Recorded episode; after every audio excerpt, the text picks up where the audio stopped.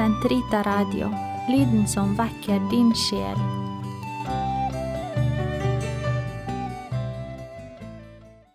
Den katolske kirkes katekisme, uke 35, lørdag 2238 til 2243. Borgerpliktene. De som er underlagt myndighet, skal betrakte sine foresatte som representanter for Gud, som har innsatt dem til tjenere for sine gaver.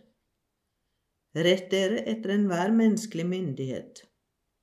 I alt dette, vis dere som frie mennesker. Bruk ikke friheten som ly for onde gjerninger, men bruk den som Guds tjenere. 1. Peters brev 2, vers 13 og 16. Lojalt samarbeid fra borgernes side innebærer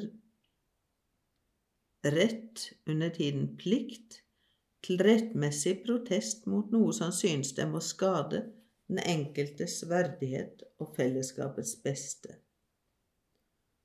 Det er en borgerplikt å bidra, sammen med de sivile myndigheter, til samfunnets beste i sannhet, rettferdighet, solidaritet og frihet. Å elske og tjene fedrelandet hører inn under takknemlighetsforpliktelse og nestekjærlighet. Lydighet mot lovlige myndigheter og tjeneste for det felles beste krever at borgerne tar del i fellesskapets politiske liv. Lydighet overfor myndighetene og medansvar for det felles beste innebærer et moralsk krav om å betale skatt, gjøre bruk av sin stemmerett og forsvare landet. La enhver få det du skylder ham. Skatteoppkreveren sin skatt, funksjonæren sine avgifter. Vis respekt for den som har respekt å fordre, og er den som ærespør. Romerne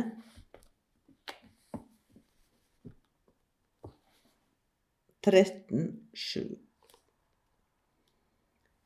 De kristne bor i sine land, men som utlendinger.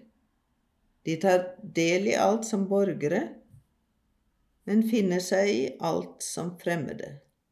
De adlyder de gjeldende lover, men gjør dem overflødige gjennom sin livsførsel. På en utsatt, utsatt post har Gud stilt dem, og de har ikke lov å unndra seg. Apostelen formaner oss til å bære frem bønner og takksigelser for konger og alle myndighetspersoner, så vi kan leve vårt liv i fred og trygghet på en from og verdig måte.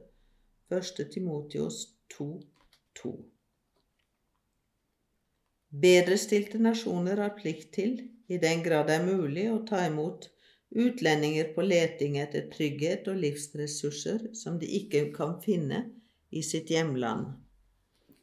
Offentlige myndigheter skal påse at naturretten nå setter en gjest under deres beskyttelse som tar imot ham, blir overholdt.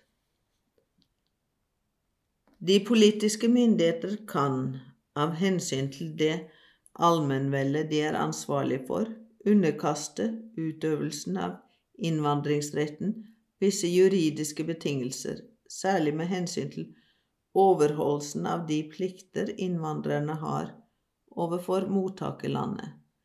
Innvandreren er forpliktet til i takknemlighet å vise aktelse for mottakerlandets materielle og åndelige arv, og overholde dets lover og bidra til dets forpliktelser.